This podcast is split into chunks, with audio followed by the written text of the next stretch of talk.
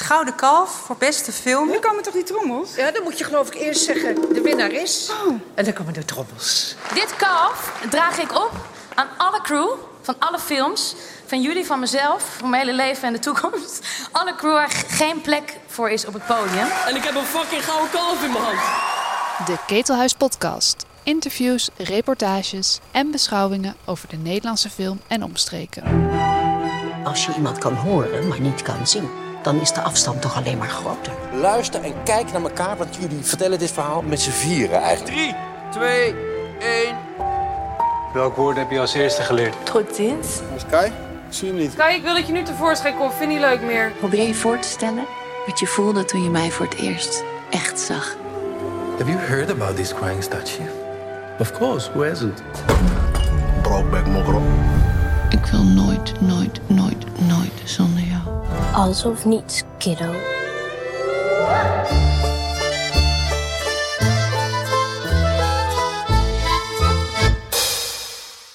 Hallo en welkom bij deze vierde aflevering van de Ketelhuis podcast vanuit Utrecht tijdens het Nederlands Filmfestival.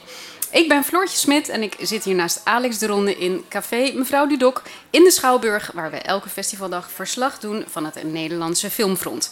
Straks een gesprek met Maarten Treurniet, die heeft een nieuwe baan en we verklappen nog niet wat. Um, maar eerst producent Floor Onrust en Sylvia van der Heijden, directeur van het uh, Nederlands Filmfestival. Uh, welkom. Uh, Sylvia, um, het is altijd chaos bij een festival achter de schermen. Wat is het grootste probleem dat je hebt moeten tackelen afgelopen week? De catering.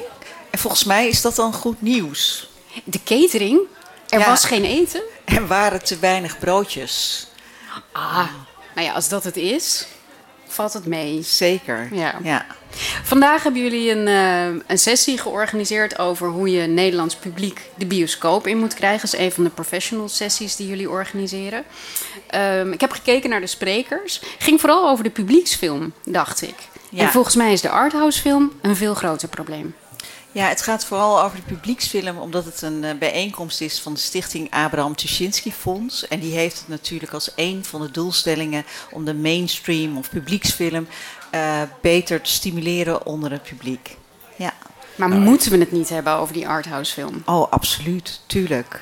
Laat ik maar wat cijfers noemen, altijd leuk. Uh, tikfouten en zetfouten voorbehouden natuurlijk. Recente films als De Tata's had 693.000 bezoekers. Bombini Holland 3 viel misschien een beetje tegen. Die hadden er 430.000. Nou, dat lijken ons puikencijfers. Versus kleine arthouse films als uh, Kiddo is inmiddels uitgedraaid. Heeft ongelooflijk veel nominaties ook in de wacht gesleept. Um, die heeft 4100 bezoekers gehad. Die middag uh, van bekroond uh, winnaar van het Forumprogramma, 2774 bezoekers. Heel recent, toen we van de Duitsers verloren, film van jou, Floor, heeft tot en met gisteren, vijf dagen, 2458 bezoekers gehad. In ongeveer 32, 33 kopieën draait in het land. Het was hetzelfde aantal als uh, waarmee uh, destijds uh, die middag vertoond werd. Nou, dat zijn de cijfers, Sylvia.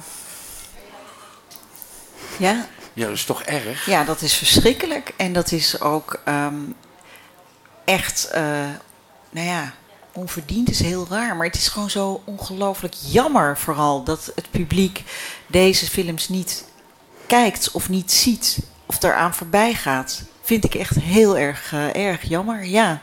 Maar ben je het eens met onze stelling, maak je over die publieksfilm maar geen zorgen? Concentreer je meer, uh, heb meer aandacht voor uh, nou ja, ik denk, ik denk dat het eigenlijk samengaat. En ik vind het in die zin ook heel erg jammer dat het zo totaal als aparte grootheden behandeld wordt. Um, ik zou eigenlijk uh, gewoon toch willen kijken van hoe kunnen, uh, hoe kunnen we het als één sector doen. En zorgen dat de Nederlandse film als geheel uh, wordt opgetild. Dus dat mensen naast een SOF 3 ook naar die middag gaan. Want er zitten ongetwijfeld ook mensen bij SOF 3 die, die die middag ook een hele erg mooie film vinden. Of mensen die naar een Sinterklaasfilm gaan, ook eens naar een film gaan als kiddo. Ik denk dat, dat er gewoon het niet weten dat dat soort films er zijn. En hoe krijg je dat voor elkaar, is natuurlijk de hamvraag. Ja, ehm, nou ja, kijk, als je helemaal aan de achterkant, dus bij publiek begint, dan gaat het over marketing, zichtbaarheid, uh, aanwezig zijn op die plekken waar het publiek is. Um, maar dat, ik denk dat, dat dat al bijna te laat is. Dat je dat dus eigenlijk al helemaal aan het begin van het proces voor ogen moet hebben. Voor wie zijn we deze film aan het maken? En op basis daarvan goed moet nadenken van oké, welke keuzes maken we dan in de ontwikkeling? Um, en hoe zorgen we dat we publiek vanaf het moment dat we gaan draaien ook gewoon echt al op de hoogte stellen dat we dit aan het doen zijn. En zorgen dat we, we ze dus meenemen. Floor, um, je hoorde net de cijfers van, van de Duitsers. Dat, dat is jouw film. Mhm. Die heeft in vijf dagen toch ongeveer hetzelfde gehaald als die middag de hele run. Is dat dan iets waar je dan als producent van denkt... nou, dat gaat nog best aardig of is dit, is dit toch wel slecht? Nou, ik had wel uh, betere cijfers gehoopt. Ik had slechtere cijfers gevreesd. Dus dat is een verschil. Uh, kijk, met de Duitsers hadden we in alle kranten, inclusief de Telegraaf, mooie recensies. Dus dan denk je, nou, dan uh, toch zou het publiek moeten komen. Maar we zitten natuurlijk echt alleen in filmhuizen met de film. En uh, dat is toch een drempel voor veel mensen. Ja, tegelijkertijd als je kijkt naar, naar arthousefilms, um, een Franse arthousefilm of een Duitse arthousefilm trekt veel gemakkelijker bezoekers dan een Nederlandse arthousefilm. Waar ligt dat nou aan?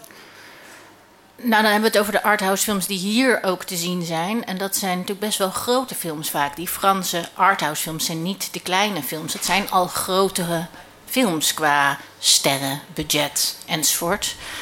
Uh, Duitsland hebben we recent een Duitse arthousefilm uh, zitten te zoeken. bijvoorbeeld.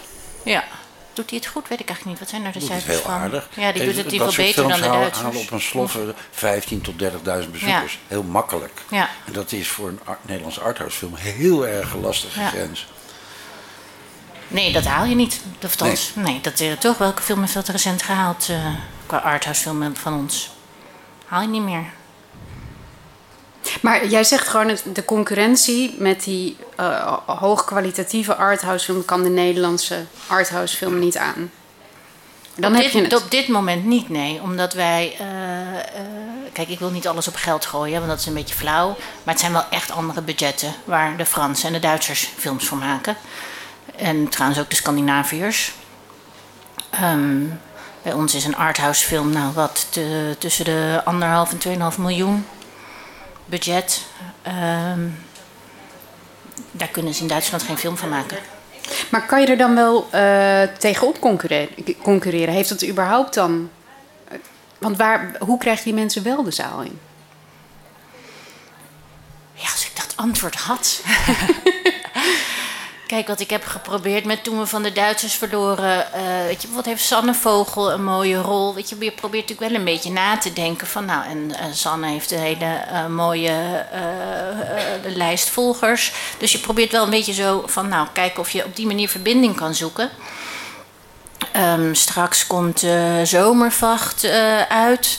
Nou, dat is wel echt gebaseerd op een bestseller acteurs zijn dan weer wat minder bekend. Dus, omdat het natuurlijk ook uh, kinderen zijn die de hoofdrol spelen. Trouwens, in het Duits zijn het ook kinderen. Maar het is gewoon, ja, het is gewoon als, kijk, als ik het antwoord had, dan had ik hopelijk wel uh, het eerste weekend uh, 15.000 bezoekers gehaald met toen van de Duitsers vloer. Maar ik heb het antwoord dus niet. Dus we kunnen wel. Uh, maar er moet wel iets gebeuren. Dat is het. Er moet wel iets gebeuren. Want zo bloedt langzaam onze ja.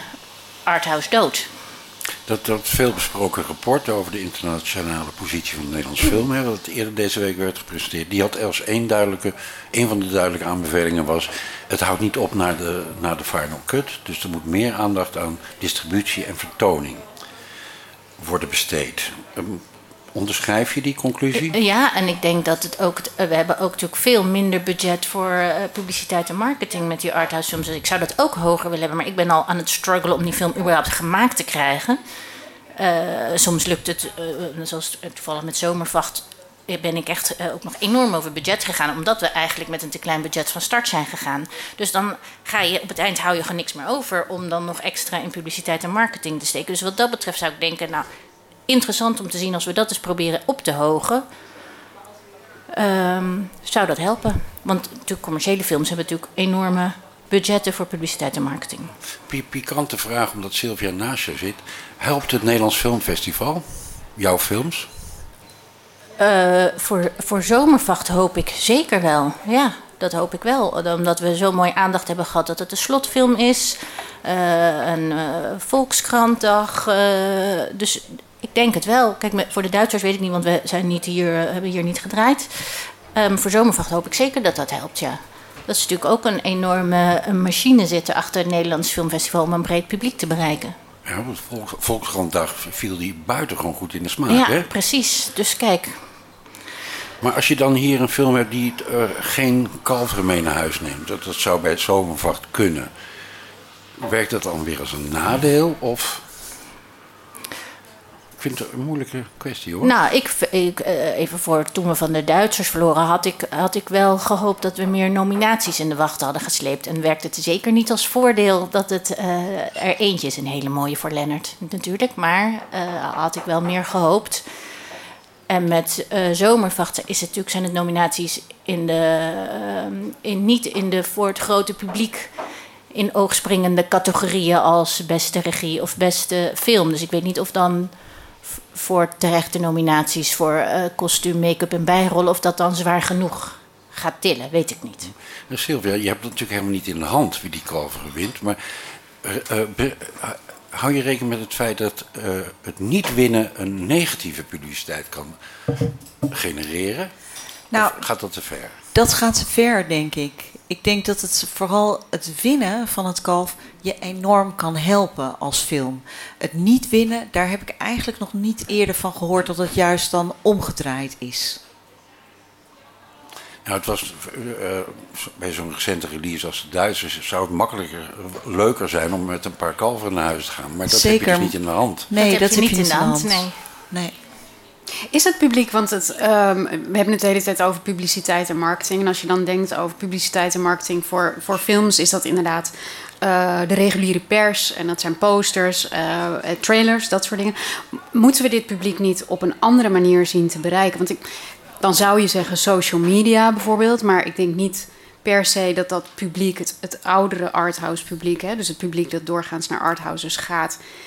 Daar, jij twijfelt, Sylvia? Jij Ja, ziet ze ik- wel? Nou ja, Facebook? Ja, gewoon hè, de 70-plussers zitten ook op Facebook. Dus hoe meer aanwezig zijn. En Instagram, ja, ik ben zelf eh 50-plusser. Het- Tuurlijk, waarom niet? Ik, eh, ik, ja, het is niet zo dat je als je de 45 gepasseerd bent, dat je dan de rest van de wereld ontkent. Dus dat, ik vind juist dat we daar echt vol op moeten gaan zitten. Dat is natuurlijk ook wat distributeur September Film doet. Die zit ook vol op Instagram en eh, Facebook. Ehm, en dan is het denk ik nog niet genoeg. Ja. Nee, je moet, uiteindelijk moet je gewoon in elk praatprogramma zitten. eh, in RTL Boulevard. En eh, dat zitten we niet met uh, arthousefilms. Is het misschien ook een, ehm, een reputatieprobleem? Dat mensen toch denken, zo'n Franse arthouse film zal altijd wel goed zijn. Nederlandse arthouse film weten we niet helemaal zeker. Nou, mag ik daar nog iets Ja? tussenin? Want wat ik, waar het vaak ook in zit, is dat als je als bijvoorbeeld eh cinefiel eh, pashouder besluit... Nou, ik wil gewoon lekker op dinsdagavond eventjes naar de bioscoop... en ik, eh, ik besluit ter plekke wel waar ik naartoe ga... dat de Nederlandse film vaak helemaal niet geprogrammeerd staat... want die staat dan 's ochtends om 11 uur ergens geparkeerd. En dan denk je van ja, hé, maar nou ja, goed... dan kies ik toch maar liever voor die Franse film...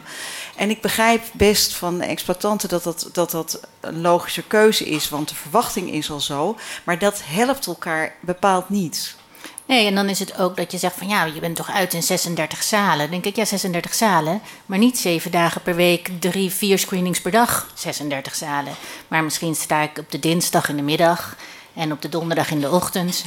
ja, dat Ja. helpt ook niet. Een Nederlandse arthouse is volgens mij een, eh, eh, een soort film wat ook eh, gebaat is bij lange adem. Dus dat we hem gewoon vier, vijf weken, dat mensen als ze deze week niet kunnen, over drie weken alsnog wel naar de Duitsers Ja, we, kunnen. hebben, we bijvoorbeeld. moeten het niet hebben van die hype dat iedereen inderdaad enorm in de startblokken staat om naar je film te rennen. Weet je? je moet het toch een beetje hebben van iemand die zegt, de buurvrouw zegt, god, je moet die film zien. En dan twee weken later denk je, oh ja, die film. nou ja, dan is die vaak al weg. En het heeft echt hulp nodig. Want dat was ook wel wat, wat je bij Knor natuurlijk zag. Knor heeft uiteindelijk ook die Gouden Kalveren gewonnen. Maar ik weet dat Gusto heeft er gewoon bovenop gezeten... om werkelijk elk schoolkind naar Knor te trekken. En daar, hebben ze, ja, daar zijn ze gewoon actief mee bezig geweest... om die doelgroep heel erg gericht te benaderen. En dat helpt enorm. Ja, en we moeten natuurlijk ook nog een beetje hand in eigen boezem steken, vind ik.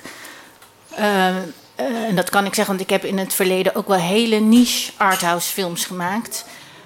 En ik denk dat dat gewoon echt steeds lastiger wordt. Dat je toch net ze ietsje meer open. En ik hoop dat dat met zowel toen we van de Duitsers vlogen als zomervacht gelukt is. Maar net iets toegankelijker. Um, ik denk dat, ja, dat is ook belangrijk.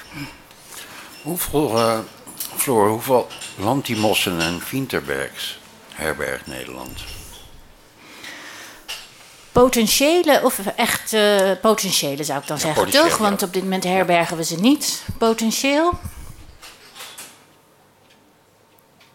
Ik ben aan het tellen, hè? Ja. Oh, jij telt echt mensen nu? Ja, ik tel echt mensen. Spannend. Zien tellen? Ja. Ik ja, ik denk wel dat we er wel vijf potentiële hebben. Ja. Sylvia knikt ook. Ja, Jij telde ook. Dus. Nou ja, ik, ik zit echt wel in de, aan de potentie dan te denken. En um, dan ben ik het wel met je eens. En het is interessant, want er zitten best veel vrouwen tussen. Ja, bij mij ook. Ja. Misschien moeten jullie straks even de lijstjes vergelijken. maar gaat het dan mis, inderdaad, de, hoe, hoe moeten we dit talent dan uh, ontwikkelen... zodat zij inderdaad die films maken die wel 30.000 bezoekers trekken? Makkelijk. Nou, wat ik ook nog interessant vind is om over na te denken, is uh, de taalverplichting. Ik, ik moet, heb altijd wel een gevecht te leveren um, als ik een niet-Nederlandstalige film wil produceren. Uh, terwijl ik denk dat het ons zou kunnen helpen, ook naar het buitenland toe. En ja, uh, de Denen en de Zweden kunnen het ook, maar die hebben zich al bewezen. Wij moeten toch weer een beetje opnieuw beginnen met ons bewijzen. Dus dat betekent dat het misschien kan helpen als we af en toe ook iets mogen maken in een andere taal. Um, en dan mag je ook dat... niet meer bij het Nederlands Filmfestival, toch? Uh, nee, dat is zeker. Je mag wel bij het Nederlands ja, Filmfestival. Toch? Jawel hoor. Ja. Nee, want zoals Sascha Polak heeft toch twee, nu twee Engelstalige films gemaakt. De, de voorlaatste in Sundance, de laatste in Berlijn. Ja, ik zeg niet dat het komt, doordat het niet... Maar weet je, het moet gewoon ook kunnen. Uh, distributeur Pim, Pim Hermeling van Septemberfilm heeft vorige week, dat zag ik toevallig bij het Filmfonds, weer eens gepleit voor een soort van sleetvanding. Dan niet voor producenten, maar geef die vijf talenten die jullie alle twee in je hoofd hebben. En er zitten vast vier dezelfde tussen. Geef die nou voor een paar jaar geld, wel gekoppeld aan de producent, maar koester die uh, uh, talenten. En dan mogen ze ook nog eens een keer een mislukte film tussendoor maken. Maar geef die vier, vijf jaar, zes jaar de ruimte. Is dat een. Ik zou heel idee? erg voor zijn. Ik weet één, wat mij betreft, zeer getalenteerde maker die zo struggelt, ook financieel, en dan daardoor weer in een impasse komt creatief denk ik, ja, als die nu gewoon wat, net, wat meer die, die financiële ruimte heeft en daar dus ook creatieve ruimte en dus niet tussendoor commercials hoeft te maken en televisieseries waar allemaal niets mis mee is, want dat is ook hartstikke goed. Maar voor sommige talenten, die hebben daar geen baat bij. En dat zijn er inderdaad, die zijn op één hand te tellen. Nou, hoeveel geld is daarvoor nodig, Floor? Je zit in de cijfers. Eh, dat ze kunnen ontwikkelen betaald. Want het, deze talenten schrijven ook vaak zelf. Dus dat, uh, dus dat ontwikkelen hoeft dat kost niks. Ja, sorry, kost natuurlijk wel wat. Maar dat is natuurlijk niet waar we het over hebben. Als uh, vijf talenten. Nou, als we dan het hebben over twee ton, dat ze even lekker kunnen ontwikkelen, allemaal. Huh? Het maken is natuurlijk een ander verhaal. ja, dan denk ik dat je gewoon zeker een miljoen per talent moet reserveren, minstens. Per, per periode, per jaar? Zij gaan niet één speelfilm per jaar maken. Dat is niet haalbaar. Dus uh, één speelfilm elke twee jaar, dan ben je ook al heel hard bezig. Maar als we daarop inzetten. Nou, alles bij elkaar, uh, eh, 12 miljoen?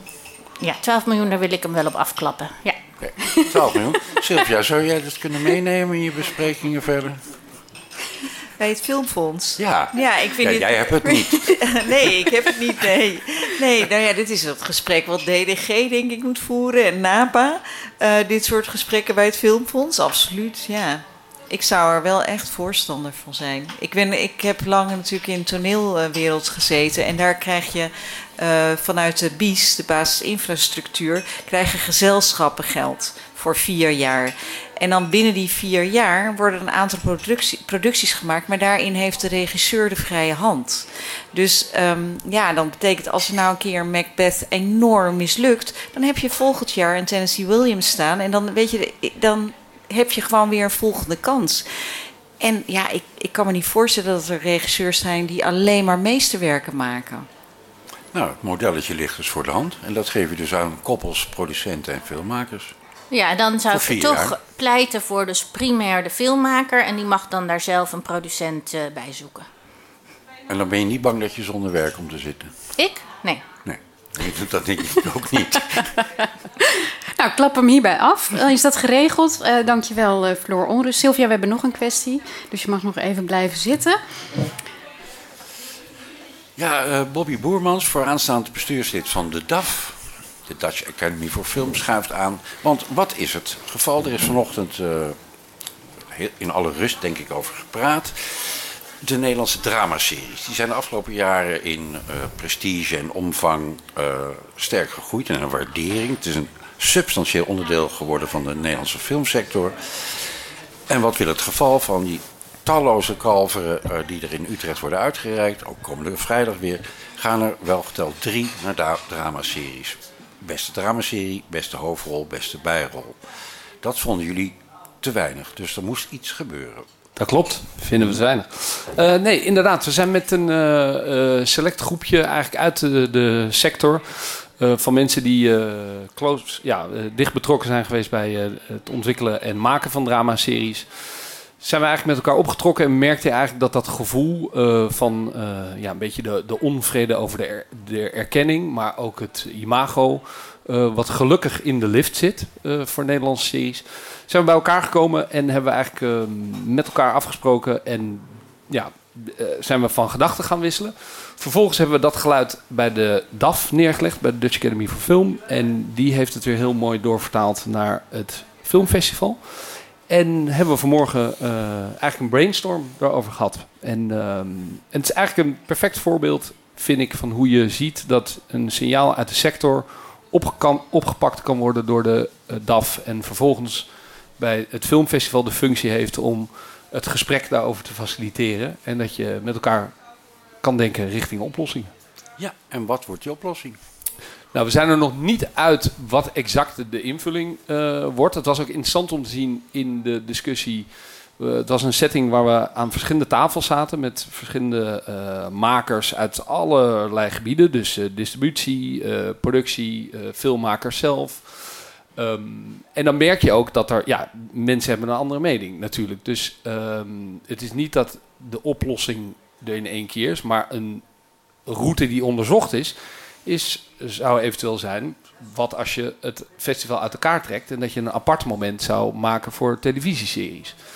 Dat is ter tafel gekomen, maar de oplossing zou ook kunnen zijn dat je binnen het festival uh, meer ruimte zoekt. Um, maar je merkt wel dat de algemene consensus was dat televisieseries gewoon enorm gegroeid zijn. En, uh, ja, en het grootste deel van het werkveld werkt inmiddels ook heel erg in televisieseries. En dat dat uit balans is. En dat je van de, uh, wat is het, 18 Gouden Kalveren zijn er drie. 21. 21 zijn er drie die naar uh, televisieseries gaan. Beste hoofdrol, beste bijrol, beste serie. En dat moet beter in balans. En nou ja, en er kwam uit dat geluid kwamen, kwamen interessante voorstellen over, um, over wat, wat als je het uit elkaar trekt. betrek je eventueel andere marktpartijen erbij? Kijk je of je een publiek-private samenwerking kan doen?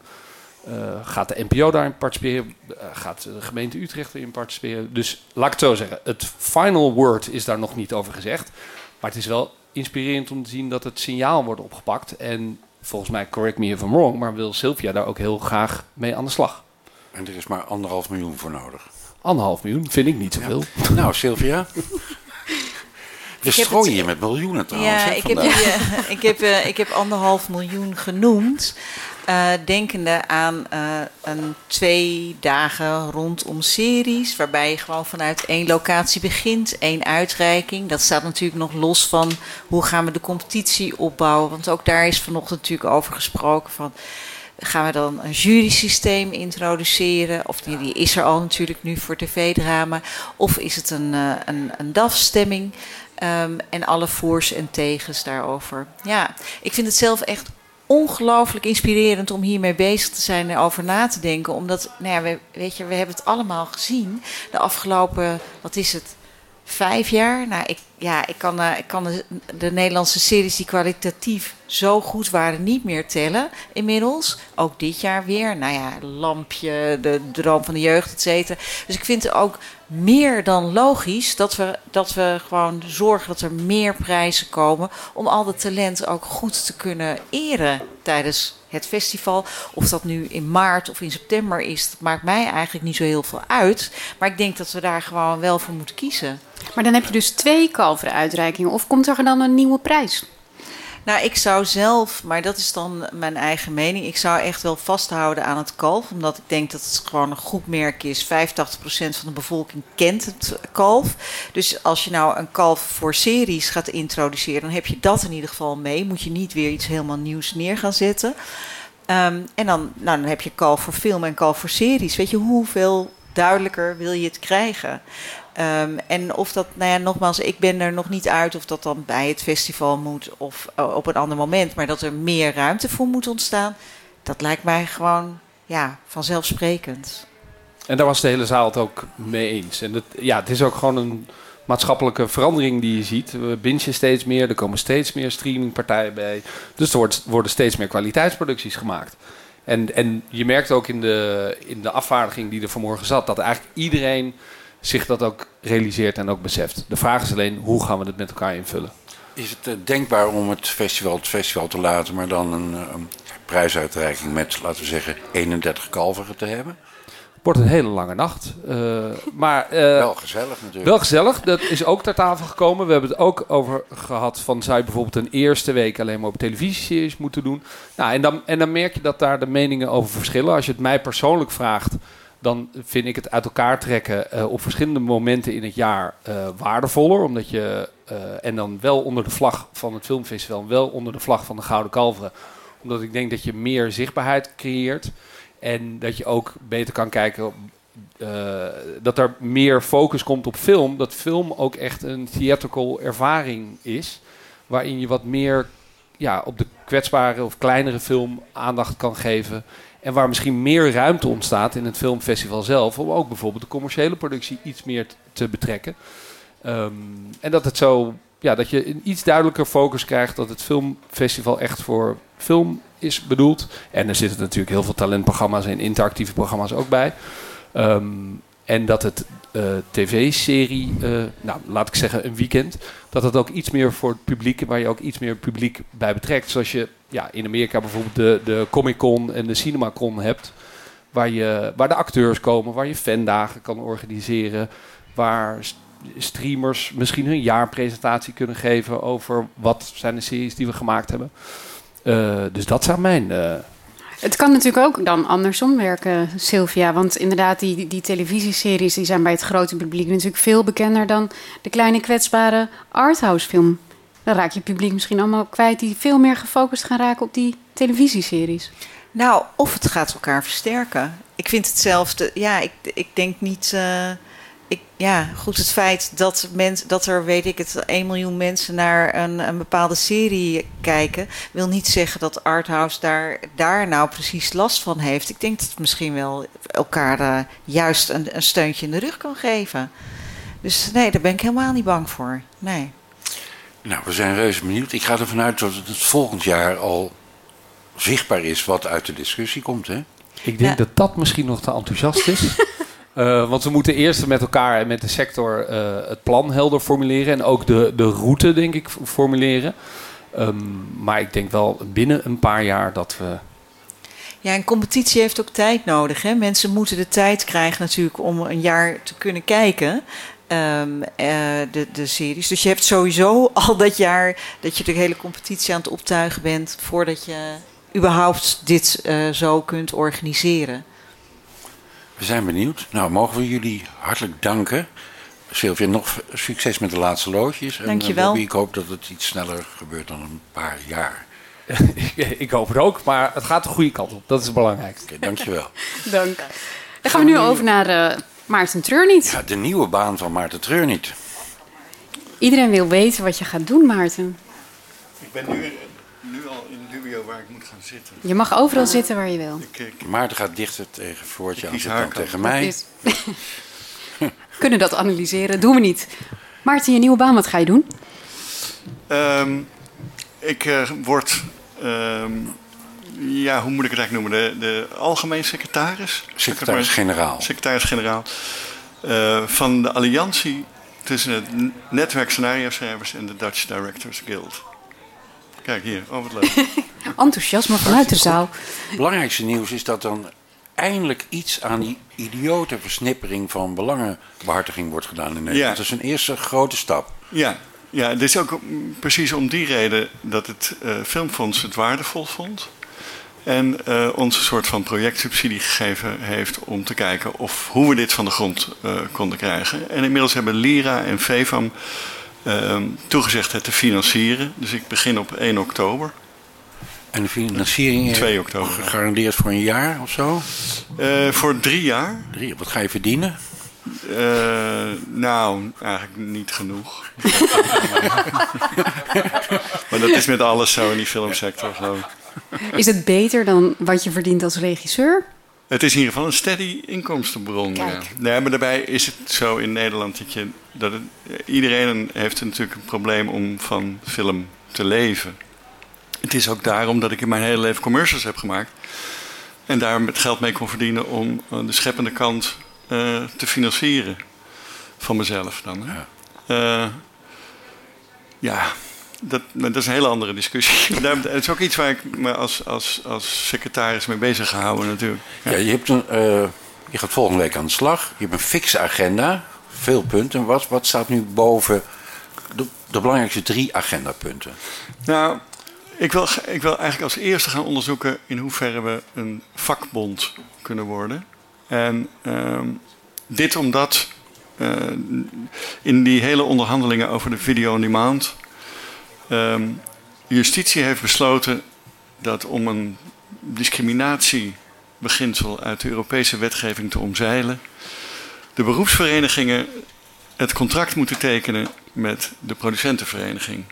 A, de facto ben je dan prijsafspraken aan het maken um, voor een groep freelancers en de facto ben je dan eigenlijk een vakbond. Um, maar om dat echt professioneel te mannen, zo'n vakbond, ben ik gesprekken begonnen met de Directors Guild of America, de guilds van Canada, dat zijn er twee. Um, de Directors UK, Zweden, die hebben eigenlijk allemaal al een vakbond. Hoe we dat zouden kunnen vormgeven. En dan is er in Brussel een bedrijf, dat heet Unime, die begeleidt eigenlijk vakbonden. En die, die hebben zich al uh, geschaard achter het idee. En Waarom is dat, dat hele vakbond zijn dan zo belangrijk? Waarom moet het een vakbond zijn? Nou, kijk, je merkt dat omdat al die makers zo weinig slagkracht hebben tegenover um, de grote conglomeraten van deze wereld die ons kijkgedrag controleren, zou ik maar zeggen. Um, is de enige manier is uh, om uh, met z'n allen je te verenigen. Dus dat is dan. Dit is een eerste stap. In principe denk ik dat het een veel grotere stap zou moeten worden. Maar het is in ieder geval een eerste stap op weg daar naartoe. Um, en dat gaat dan ook over fair pay, bijvoorbeeld. Um, wat blijkt in de afgelopen. Ja, van de hele periode van het Olsberg-rapport, zal ik maar zeggen. Is de honoraria van makers een 0% gestegen. Dus dat was 12 jaar, hè? 12 jaar, ja. ja. En dat is natuurlijk eigenlijk schrikbarend als je alleen al de geldontwaarding in, in het acht neemt. En en de hoeveelheid geld die ermee verdiend wordt. Kijk, die markt die is uh, geëxplodeerd sinds corona. Uh, het is zo dat in de, laat ik zeggen, de, tv-markt gaat ongeveer anderhalf miljard om. En in de streamingmarkt gaat nu 1,2 miljard om. En zo is dat bijna op hetzelfde niveau als tv. En dat gaat het natuurlijk inhalen. En, uh, dus dat betekent dat die, die, er wordt ontzettend veel geld verdiend met onze content. Alleen, het komt niet op de goede plek terecht. En onze vorige minister heeft dat al geconstateerd. Die heeft een Dialogic-rapport. Dus Dialogic is een, bedrijf heeft dat onderzocht en die heeft geconstateerd dat er inderdaad marktfalen en systeemfalen is in ons land. Er wordt genoeg gemaakt, maar het geld, genoeg geld verdiend, alleen het geld komt niet op de goede plek terecht. En als je het hebt over volgende stappen, dan bedoel je mee na de regisseurs en scenaristen. Zouden ook bij die vakbond andere disciplines. Eigenlijk alle beroepsverenigingen in. Camera, acteurs, de hele mikmak. Ja, ja, ja, ja, dan denk ik dat dat het verstandigste is. Dan heb je uh, aan de ene kant de, de ketentafels waar, waar ik nu ook aan zit, die eigenlijk de hele AV-sector behelzen. Die hele sector zou eigenlijk uh, zich moeten verenigen in een vakbond. Ja. Minus de producenten natuurlijk. Ja, die, die, dat, dat zijn de opdrachtgevers. Hè. Zoals ja. het in de wereld geregeld is, de rest van de wereld, zou ik maar zeggen. Zijn die uh, vakbonden juist om tot beschermen van de zwakkere. Uh, en dus niet de opdrachtgevers in dit geval. Ja. ja. Dat wordt een uh, tijdrovende klus. Ja. ja, ik heb vier dagen in de week. Ja. Dus. Hoe zie je dat in de tijd? Wanneer is het ideaalbeeld van de alomvattende vakbond bereikt? Is dat uh, vijf jaar of is dat te optimistisch? Um, dat ligt er een beetje aan hoeveel hulp we krijgen. In ieder geval is het in principe zo nu dat de DGA heeft zijn hulp al toegezegd. In hoeverre dat nou financiële hulp is, weet ik eigenlijk niet. Dat moet ik nog uitvinden. Maar in het opzetten van de vakbondsvoorwaarden en van hoe je dat organiseert, willen zij heel graag helpen. Zij zien met ledenogen toe dat Europa verscheurd wordt door de streamers. Um, zij vinden dat verschrikkelijk. Uh, de, de, streamers doen, zeggen tegen elk land: wij willen eigenlijk ons conformeren aan het systeem wat er in jullie land is. Um, wat tot gevolg heeft dat zij gaat gewoon gaan kijken wat een normaal honorarium is van een regisseur in Nederland bijvoorbeeld. En uh, dat is uitermate laag. Dus zij gaan uh, terwijl zij veel meer te besteden hebben, gewoon net doen alsof hun neus bloedt en zeggen: ja, nee, nu voldoen we aan uh, marktconform Nederland. Gaat die vakbond dan ook staken? Ja, dat is een hele goede vraag. Uh, in principe heb je die macht eigenlijk niet om te gaan staken. Um, maar waar het in principe eigenlijk veel eerder om gaat, is een solidariteitsbeginsel. Als um, ik een opdracht weiger als regisseur, dan wil ik eigenlijk ook dat als andere uh, regisseurs daar instappen, even uh, contact opnemen. En zeggen, waarom ben jij er eigenlijk uitgestapt? waarom doe jij dat eigenlijk niet? En, en uh, bij een vakbond is dat solidariteitsbeginsel zo groot. Daarom vind ik dat, dat heel belangrijk.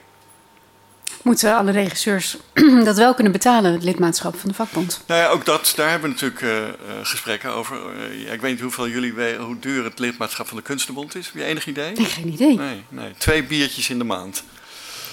Zeg ik dan altijd. Spe 8 euro. bier? Hè? 8 euro. Wat, ik weet niet, wat kost een biertje van jou? Nou, 3,50. Ja, ja, dat bedoel ja. ik. ik heb juist 2,5 biertje in de maand. Uh, nee, dus het is, je hebt het eigenlijk helemaal niet over, over heel veel geld. Het gaat, uh, en daarbij kan je zelfs met uh, um, de collectieve beheersorganisaties best wel iets doen daarmee, vind ik. Um, de, de, ontwikkelingen in Nederland zijn in zoverre vreemd dat die collectieve beheersorganisaties, die wij van oudsher kennen als, als organisaties die nationale exploitatievergoedingen verdelen maar omdat die hele situatie veranderd is, het zijn internationale exploitatievergoedingen waar we het nu inmiddels over hebben, um, moeten die CBO's heel erg veranderen. Of ze moeten met alle andere CBO's in Europa wederkerigheidscontracten afsluiten, zodat als een Belg iets heeft wat bekeken wordt op een streaming site in Nederland, dat die CBO uit Nederland dat geld overmaakt aan de CBO uit België dat is ongelooflijk ingewikkeld. Dat is echt. Dat is een, A, zijn al die landen zijn anders. Um, dus ik pleit ervoor om, uh, net zoals de DJ van Amerika het gedaan heeft, om eh, eh, een, een, een, vier pijlers. Eén is het honorarium, gewoon voor je werk. Tweede is de auteursrechtelijke vergoeding in je eigen land. Derde is een internationale exploitatievergoeding voor het gebruik in de rest van de wereld. Als elk land dat zou doen, en de vierde is een, een, een uh, succesovereenkomst. Wanneer iets heeft iets veel succes, dan moet je extra betalen. Maar dat andere, daar hebben we het dus over een openbaarmakingsvergoeding. Het feit dat jouw werk op de site van, ik zeg maar wat, Netflix staat, is waardevol voor Netflix. Alleen al het feit dat het erop staat. Of het bekeken wordt of niet, is een tweede. En de DGA heeft dat heel goed begrepen. Die heeft, en dat is eigenlijk heel grappig, want het is natuurlijk een socialistisch beginsel. Als jij een vergoeding vraagt aan een streamer, in Amerika, hè? een vergoeding vraagt aan een streamer, ongeacht de hoeveelheid views. En dus gewoon het feit dat het er is. Ehm, dat betekent dus dat je het opneemt voor de zwakke broeders in je uh, organisatie. En daar zitten ze enorm mee te worstelen in Amerika, want dat is natuurlijk een kapitalistisch land. Maar ze kunnen maar geen andere manier verzinnen waarop je dit beter kan doen. En ik vind dat heel erg grappig om te merken. Dat, dat, dat zij dus kiezen voor iets wat in Europa veel normaler zou zijn. En dat doen ze uit praktische overwegingen. Zij laten bij de DGA de, de uh, contracten voor uh, succes, uh, de, de, de vergoedingen voor succes, die laten ze over aan de individuele contracten. Dat is waar de Writers Guild tegenaan loopt nu. Die willen dat zelf gaan regelen. Het probleem is, als je dat zelf gaat regelen in Amerika, willen ze je die cijfers niet geven. Dus wat er nu met de WGA aan het gebeuren is, dan komt er een soort black box tussenstation. Die gaan de cijfers krijgen van Netflix, die mogen daar niks over zeggen. En die gaan tegen de, de uh, streamers, tegen de, de, de vakbond zeggen: die krijgt zoveel, die krijgt zoveel, die krijgt zoveel. En niet bijgezegd hoeveel, om hoeveel viewings dat, viewers dat gaat. Want dat, dat willen ze kosten wat kost, kost als bedrijfsgeheim uh, bewaren in Amerika. Nou, dankjewel voor deze buitengewoon technische en leerzame maar, maar heb je er iets van begrepen? Ja, een beetje. Maar Floortje, ik zit koortsachtig te zoeken naar een beetje swingend eind van deze laatste podcast vanuit Utrecht. Ik, nou, la, heb je, ga je zelf nog films regisseren of heb je daar nu allemaal geen tijd meer voor? Ik ben een Swingender beetje, wordt het niet. Ik ben een beetje aan het vluchten uit Nederland. Ik, uh, allereerst ben ik natuurlijk een oudere witte man en is het uh, in inclusiviteit en, en, en talentontwikkeling wat de klok staat. En daarbij, als ik een film maak voor de bioscoop, wie gaat er nou eigenlijk naar kijken? Een Nederlandse film. Dus ik denk bij mezelf, uh, ja, ik heb dus een scenario geschreven. Ik ga eens kijken hoe dat in het buitenland valt. En dat valt heel erg goed in het buitenland. Dus ik, ja, ik ben nog wel een soort van Nederlander. Hè? Dus ik denk ook, ik zou het eigenlijk het liefst in Nederland maken. Maar ik voorzie dat dat een, een ja, vruchteloos traject is voor in de komende paar jaar. Ja. Ik weet niet of je dat Olsberg-rapport een beetje hebt bekeken. Ja. Ja. Nou, ik vind hem prima opbeurend stopakkoord. Waarom zou je nog een Nederlandse film maken? Er komt toch niemand kijken. Heerlijk. Van deze serie toch altijd een zeer positieve podcast. Uh, breien we er zo inderdaad een mooi einde aan. Dank, uh, dank uh, Maarten Treurniet. Ja. Um, dit was onze laatste podcast vanaf het uh, NFF. Vanuit, Overigens wil ik wel heel graag dat er veel meer oh. mensen naar Nederlandse films gaan kijken. Maar ja, hoe je dat voor elkaar ja. krijgt is een andere opdracht die ik heb. Ja, precies. Die is vooralsnog. Dat ga je ook oplossen. Ga ik ook proberen aan ja. mee te doen. Ja. Heel goed om te horen. Um, nou, dit was dus de laatste aflevering. Alle vorige afleveringen die zijn uh, terug te luisteren via de site uh, van het Ketelhuis. En uh, heel veel dank voor het luisteren. Heel goed.